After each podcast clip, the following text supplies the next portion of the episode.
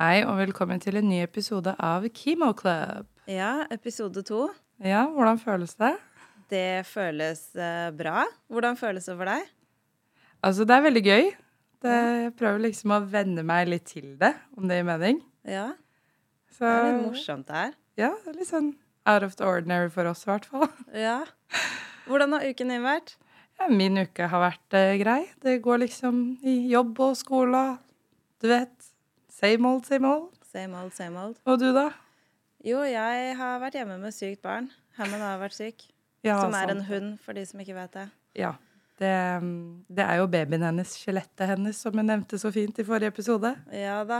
Så nei, jeg har vært eh, stuck i huset med han og holdt på å gi medisiner og vaske og styre. Så dette er første dagen jeg er ute av huset. Det føles jævlig deilig, for å si det rett ut. For nå begynte jeg å bli gæren av å bare være sykepleier hjemme. Det skjønner jeg veldig, veldig godt. Ja. Men uh, hva skal vi snakke om i dag da, Pernille? I dag skal vi ha spørsmålsrunde. Det er uh, veldig eh, impulsivt for uh, episode to. Mm. Når det er omtrent bare mamma og de nærmeste som hører på. Men nei da, vi skal ha en spørsmålsrunde. Eh, egentlig i utgangspunktet fordi når jeg hadde kreft, opplevde jeg at folk er kleine. Når du sier at du har kreft, og så vet ikke noe av hva de skal si, og så bare ser de litt sånn trist på deg, og så unngår de deg. Mm. Og det tror jeg er mye fordi at man har mange spørsmål man ikke tør å stille. Jeg selv ante ikke egentlig helt hva kreft Altså man vet hva kreft er, men man vet ikke så mye om det før jeg fikk det selv. Så da skjønte jeg litt det at jeg tror grunnen til at mange blir kleine, er fordi de har mange spørsmål, vet ikke egentlig helt så mye om kreft, og så tør de jo selvfølgelig ikke stille de spørsmålene helt til deg. Jeg merket at veldig mange jeg snakket med, begynte å fortelle meg om liksom Ja, bestemoren min, hun fikk jo kreft og døde. Og så er det sånn OK. Ja, Takk for den. for den, liksom. Veldig spesiell ting å nevne. Så folk blir dritrare. Derfor tenkte vi still spørsmålene til meg, sånn at hvis noen du kjenner får kreft på et eller annet tidspunkt, så kanskje ikke du trenger å være så klein. Det, det var veldig god, god intro til det vi skal gjøre, syns jeg. Ja, Og vi fikk mange flere spørsmål enn hva jeg hadde trodd. Ja, vi var vel egentlig litt skeptiske om vi skulle få noen i det. Jeg trodde vi måtte finne på alle spørsmålene selv, for å være helt ærlig. Ja, det, det, er, det er veldig gøy å se at det er så mye engasjement, da. Ja, det er det. Så da tenker vi det at du stiller spørsmålene til meg, Yes. og jeg svarer så godt jeg kan. Ok, da kan vi rett og slett kicke i gang med første spørsmål. Og det er hvor lang behandling fikk du? Jeg hadde behandling i totalt syv uker, og da var det fem dager i uka i de syv ukene. Så det var stråling eh, mandag til fredag, og så hadde jeg cellegift en gang i uka. Og de siste ukene så hadde jeg også eh, innvendig stråling.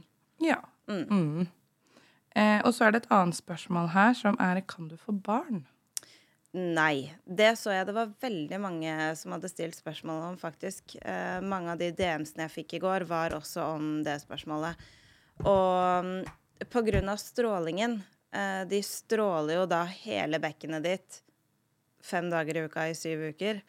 Så det, noe av det første legen sa, var at nei, du kan ikke få barn. Mm. Skjønner. Det er jo rett og slett fordi at strålingen Uten at jeg helt vet de medisinske termene, så ødelegger jo strålingen alt det som skjer. Så sånn som nå er jo jeg i overgangsalderen og tar jo sånn hormontabletter hver eneste dag. Eh, og da kan man ikke få barn heller. Nei. Ja. Nei, det, Hvordan føles det å være i overgangsalderen, holdt jeg på med å si? Uh, vet du hva, det tenker jeg helt ærlig ikke sånn veldig mye på. Bortsett fra de Nå har jeg bytta fra piller til plaster. Eh, og jeg vet ikke om dere andre der som er i samme situasjon som meg, kan merke det at de dagene du bytter plasterne, som er to ganger i uka, så går det et par timer, og så kan jeg plutselig bli litt sånn sur. litt sur og irritert og i dårlig humør. Og så først så tenker jeg sånn faen, hvorfor er jeg egentlig sur nå, liksom? Og prøver jo, For det er alltid det jeg gjør, da. Hvis det er noe som føles ut som det er galt, så prøver jeg å analysere ok, hva er problemet mitt nå.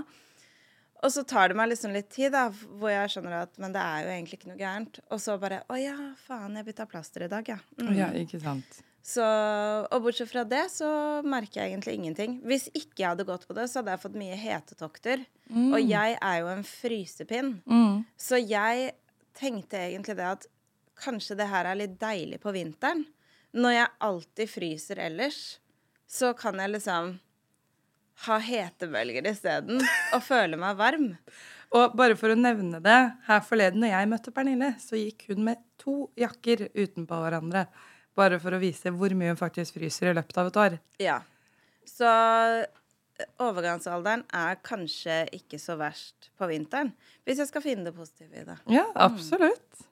Mm. Da har vi også et annet spørsmål her, som er hvordan fant du ut at du hadde kreft? Eh, ja, hvordan jeg fant ut av det? Jeg var veldig syk i hele 2021. Følte meg dritdårlig egentlig hele tiden. Jeg hadde jo hatt korona i starten av året. Mm. Så når jeg begynte å gå til legen Det var vel i mai, for da var jeg fortsatt kjempedårlig. Eh, og så begynte jeg å gå til legen, og de sa egentlig bare at du har long covid. Og jeg tror absolutt at long covid er en greie, men jeg bare visste at det var ikke det som var greia. Så til slutt begynte jeg å gå Jeg tror jeg var hos fire eller fem leger hvor jeg gikk og sa det at eh, jeg vet at dere kommer til å tro at jeg er hypokonder nå fordi jeg er ung, men jeg er totalt sikker på at jeg har kreft. Jeg vet bare ikke hvor det er, og jeg trenger at dere hjelper meg å finne ut av det. Um, og alle legene forsikra meg om at hvis de tok et sett med blodprøver, så kunne de finne ut av om jeg hadde kreft. Men så viser det seg jo i senere tid at cervix vises ikke alltid på blodprøver. Mm. Uh, og jeg skulle jo ta celleprøve igjen i slutten av året. Mm. Så, og den forrige celleprøven min var veldig fin. Så mm. det ringte aldri noen bjelle fra meg at det kunne være livmorhalskreft. Mm. Uh, og legene sa bare 'long covid', 'long covid'. Jeg tenkte bare 'hell no'. Mm. Det er kreft. Jeg bare vet inni meg at det er kreft. Mm. Og så havna jeg til slutt hos eh, Jeg fikk kjempesmerter uh, nederst i magen i november. Mm. Og da dro jeg For de vanlige tegnene på det her er jo blødninger og smerter. Eh, og da havna jeg hos gynekologen, og da skjønte jeg med en gang at dette var bad news, fordi hun Altså, hun så jo svulsten. Mm. Så det var sånn jeg fikk vite at jeg hadde kreft. Da gikk det en ukes tid, og så Jeg tenkte jo med en gang når jeg skjønte hvordan hun reagerte, så tenkte jeg nå vet vi hvor kreften er. Mm. Eh, så når jeg var på vei hjem, så ringte jeg til samboeren min og til noen av vennene mine, og så sa jeg det at det er, det er livmorhalskreft, liksom. Mm. Eh, og så gikk det jo da en uke hvor jeg venta på at de skulle ringe meg, for de sender det jo til Altså sånn biopsi, mm. eller hva det heter. Mm. Uh, og da sa jeg til alle sammen, for jeg var på jobb, da, så sa jeg det til alle sammen at jeg kommer til å bli ringt denne uka. Ganske sikker på at de forteller meg at jeg har kreft, liksom. Så bare forbered dere på at um, jeg fort drar. Mm. Uh, og da ringte de meg uh, i starten av denne uka, og så sa hun jo det at uh, nå har vi fått tilbake svar, og du har kreft. og da sa jeg bare det at ja, det vet jeg, men hvor ille er det?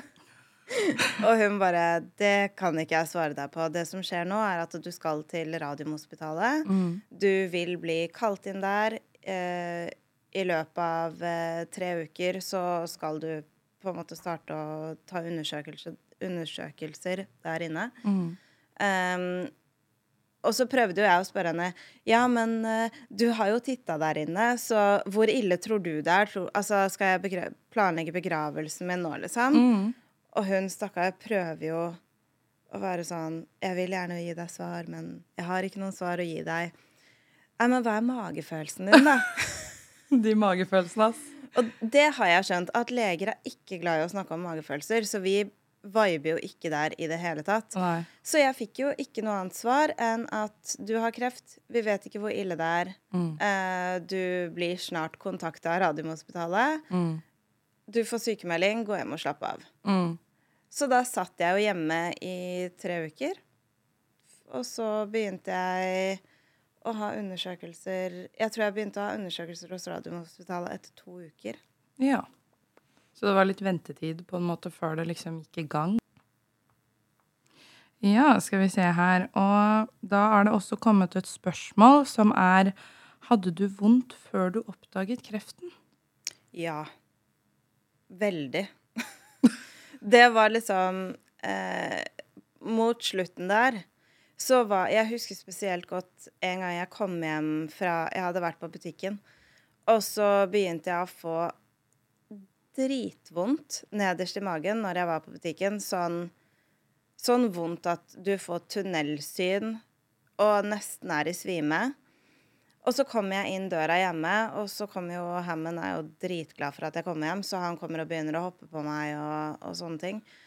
Og så har jo jeg kjempevondt, så sekundet døra lukker seg igjen, så setter jeg meg ned på huk og begynner å hylgrine. Eh, men jeg hylgriner ofte veldig stille, og Hammond hopper på meg, og så sier jeg sånn Hammond, nå må du la meg være. Og så hører jeg samboeren min sånn Er du sint, eller? Og da var jeg sånn Nei, jeg har bare jævlig vondt. Og så bare uh, uh, uh, begynte jeg å skikkelig gråte, liksom. Mm. Så ja, jeg hadde veldig mye vondt, spesielt på slutten der. Ja, da hopper vi også til neste spørsmål, som er hvordan opplevde du at legene var når du informerte om kreften? Når de informerte meg. Jeg vil gå ut ifra at det er det som er spørsmålet, ja. Ja. Ehm, veldig konkrete, egentlig. Veldig deilig. Fordi når jeg kom inn Når vi skulle på den første praten, da, hvor de skulle fortelle meg om jeg skulle leve eller dø, eller hva som skulle skje, Mm. så var jeg veldig sånn til samboeren min og vennene mine, så sa jeg det at ja, jeg skal si med en gang at de får komme til poenget. Jeg er ikke der for å snakke om vær og Jeg vil liksom rett på sak. Det, det tror jeg sikkert veldig mange andre i samme situasjon har følt på. Så når jeg kommer inn der, før jeg nesten har satt meg ned, så sier jeg det at eh, eh, Gå rett på sak. Det første jeg vil vite, er hvordan ligger jeg an? Go, liksom. Mm. Eh, og det gjorde han. Han var veldig konkret. Han fortalte ganske fort at jeg var i stadium 1B, eller noe sånt. Mm. Så det er typ ikke helt stadium 1, Mm. men ikke stadium 2 heller. Mm. Og det var fordi at svulsten vokste i livmorhalsveggen. Mm. Eh, og da er det større sannsynlighet for spredning. Okay. Mm. Så, men han fortalte veldig fort helbredelse er planen. Eh, sånn og sånn er behandlingen. Med en gang han fortalte om behandlingen, så sa han du kommer ikke til å kunne få barn. Mm. Og bare deng, deng, deng, deng, deng. Så Mm. superdeilig. Eh, jeg likte det. Ikke noe mikkmakkeri. Ikke noe masse snakking rundt eller fortelle meg om, om været, som jeg virkelig totalt dreit i der og da. Mm. Um, men det er forskjellig fra lege til lege. Eh, for når jeg kom tilbake på kontrolltimen etter behandling, så begynte hun dama først å snakke til meg om været. Og da måtte jeg liksom si det at du, helt ærlig, jeg er ikke her for å snakke om været. Det driter jeg i akkurat nå. Hvor er vi? Er vi good, eller er vi ikke good? Mm. Og da var jo hun litt sånn hm, Syntes at det var litt rart. Mm. Men så fulgte hun veldig instruksene mine og liksom var sånn Ja, vi er good. Uh, så det der er nok forskjellig fra lege til lege. Så mitt tips er hvis du plutselig finner deg i samme situasjon som meg, vær ekstremt tydelig på hva du trenger. Eh, hvis det er noen gang det er tid for å være ego, så er det nå. Dette her handler ikke om legene. Det handler ikke om å ivareta dems følelser eller hva de syns. Så bare vær totalt tydelig på hva du vil, og hva du skal ha. Mm. Det er mitt tips. Mm. Veldig godt tips. Ja, jeg syns det. Um, men hva tenkte du da du fikk beskjeden? Altså Hvilke tanker strømte gjennom huet ditt? på en måte? Eh, nå fikk jeg jo mange beskjeder, så jeg er litt usikker på hvor i forløpet man mener. Men personlig så tenkte jeg bare Jeg visste det. Mm. Fordi jeg hadde visst det i lang tid, og jeg hadde, hadde sagt det til alle rundt meg siden mai. Mm. For i mai så fikk jeg bare en sånn bam følelse i meg at det her er kreft. Jeg vet at jeg har kreft. Mm. Og når du sier det til de rundt deg, så er det litt sånn Ja, men jeg har bare magefølelsen av det. Jeg bare vet at det er det det er. Mm. Eh, så tror jeg likevel at de, nummer én, det er jo ingen som vil at du skal ha kreft. Mm. Eh, og nummer to, så er det nok veldig lett å tenke at eh, magefølelse, paranoia Hvem vet egentlig hva det er? Mm. Så når jeg endelig fikk beskjeden at ja, det er kreft, så var jeg sånn Yes, smack. Endelig, her har vi det. Nå er det bekrefta. Nå kan vi begynne å fikse. For jeg hadde vist det siden mai. Jeg bare visste ikke hvor det var. Mm. Så mm, Du liksom, du fikk bekrefta den magefølelsen du hadde. mm. Og så det første jeg egentlig tenkte, var Yes, jeg hadde rett. Som ikke egentlig var så positivt. Og så var Fordi da kunne vi begynne å fikse det. Så jeg var sånn OK, nå er problemet spikra. Nå kan vi begynne å fikse. Mm. Så jeg er jo veldig sånn at OK, hva er problemet? Fordi da kan man problemløse. Ja. Så det, ja, det var min første reaksjon. Um, men hvordan tok folk det rundt deg når du fortalte at du hadde kreft? Uh, vet du hva? Det er vanskelig for meg å svare på egentlig, fordi jeg har et nært forhold til alle de jeg har nær. Mm. Så det viktige for meg var at ingen skulle sitte på pinebenken. Mm. Så det jeg gjorde, var vel uh, til de fleste å skrive en, en melding som jeg sendte til alle sammen at hei, folkens, det er kreft. Uh, det går bra med meg. Bla, bla, bla. Mm. Uh, så de fikk jo på en måte reagere i sitt eget rom.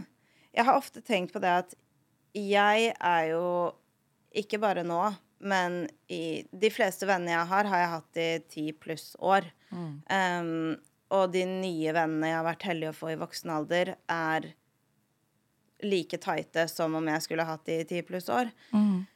Så jeg har jo fått se det med ting som har skjedd opp gjennom livet. Pappaen vår døde jo. Eh, det har skjedd liksom veldig, veldig mange ting hvor jeg har fått se hvor jævlig fantastiske venner jeg har. Til de av dere som hører på, så tror jeg jeg er flink til å fortelle dere at dere er the shit, men dere er the shit. 110 Mm. og det jeg veldig ofte tenker på, er De hadde ryggen min ti av ti, og de var dritgode med meg. Og jeg bare håper at jeg var god med de òg. At de også følte seg sett og hørt i, i denne prosessen.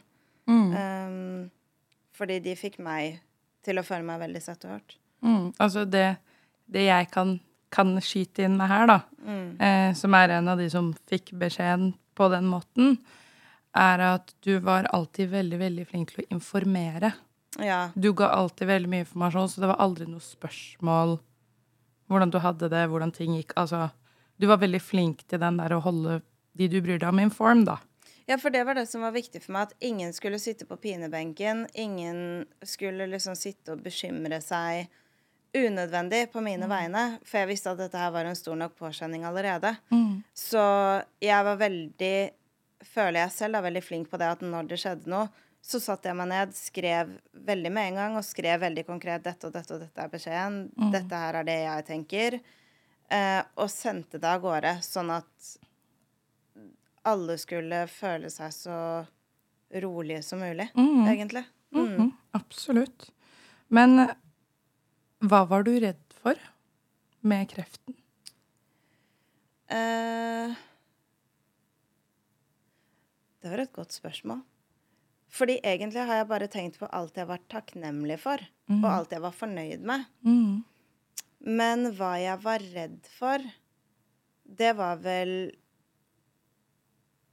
hvordan det skulle påvirke de rundt meg. Mm. Eh, de som var avhengige av meg, de som var glad i meg, Mm. at de skulle bli lei seg, hva skulle skje med de når jeg døde. Mm. Så det var egentlig hele veien etter liksom Takk Gud for ditten og takk Gud for datten. Så, så var tankene mine mest på på dere rundt, da. At Mm. jeg var mye bekymret og, og tenkte mye på dere. Og jeg tror mange kan føle seg igjen i det å, å føle seg som en byrde. Og Mm. jeg følte meg aldri som en byrde, fordi det, det er dere rundt meg så jævlig awesome folk til at, at det følte jeg meg aldri som. Mm. Um, og hjemme så sa jeg veldig mye sånn Nå må du si til meg hva du trenger. Uh, du er også i denne situasjonen. Du må også bli ivaretatt, liksom. Så eh, hvis jeg neger eller maser Vi må ha en åpen kommunikasjon, og det sa jeg jo til vennene mine også. Så jeg tenkte egentlig mest på alle andre enn meg selv. Det er kanskje en overlevelsesmekanisme også. Det kan jo godt være at det er din måte å på en måte switche det litt om på. Mm. Så det, det er ikke så rart. Nei. Så egentlig var jeg ikke så Jeg var ikke redd for så mye, i hvert fall ikke som omhandlet meg selv. Nei. Og når jeg satt der Det tror jeg vi kommer tilbake til et senere spørsmål, hvordan jeg følte når jeg satt de tre ukene og ikke visste hva som skulle skje. Men i utgangspunktet var jeg bare litt sånn Oi, det her er et litt kult perspektiv å få i så ung alder. For man, man ser jo ofte disse greiene med ehm, en sykepleier har intervjuet folk som ligger for døden. Dette er det de angrer på. Dette er det de synes. Mm. Og at man ikke får den refleksjonen før man er gammel og skal dø, og det er på en måte i gåstegn for seint. Mm. Men så fikk jo jeg Jeg var jo heldig nok, da, eh, til å få denne refleksjonen når jeg var 33 år. Og det er der jeg mener at jeg kunne også valgt å se på alt som gjorde meg uheldig. Mm. For gudene vet at det var nok av ting jeg sikkert kunne funnet der. Men jeg valgte fra starten av eh, å gå for den andre siden. Hva er det jeg er heldig med? Hva er det jeg kan ta som er positivt ut av denne situasjonen? Mm. Så mm, ja. Ja, men det er en veldig, veldig fin og reflektert måte å tenke på, synes jeg. Vi har jo vært så heldige og fått en del spørsmål, men vi ser at uh, tiden renner fra oss her. Så vi må nok eh, dele den opp i to deler, gitt. Ja, uh, jeg tror også det er best. Så blir dere ikke helt lei oss uh, av en episode som varer i en time. Eh, Absolutt. så, men før dere går, ikke glem, vær så snill, å stjernelike oss, eller hva det er det heter, inne på Spotify, hvor man kan trykke på hvor mange stjerner i forhold til hvor flinke dere syns vi er. Yes. Jeg blir veldig glad hvis dere gir oss fem stjerner. Mm. Og så følge. Og like og dele og fortell til mamma, pappa, fyren på butikken, everyone. Og så håper jeg dere har en strålende dag. Så høres vi snart igjen. Takk for at dere hørte på oss. Takk for nå. Hei, hei.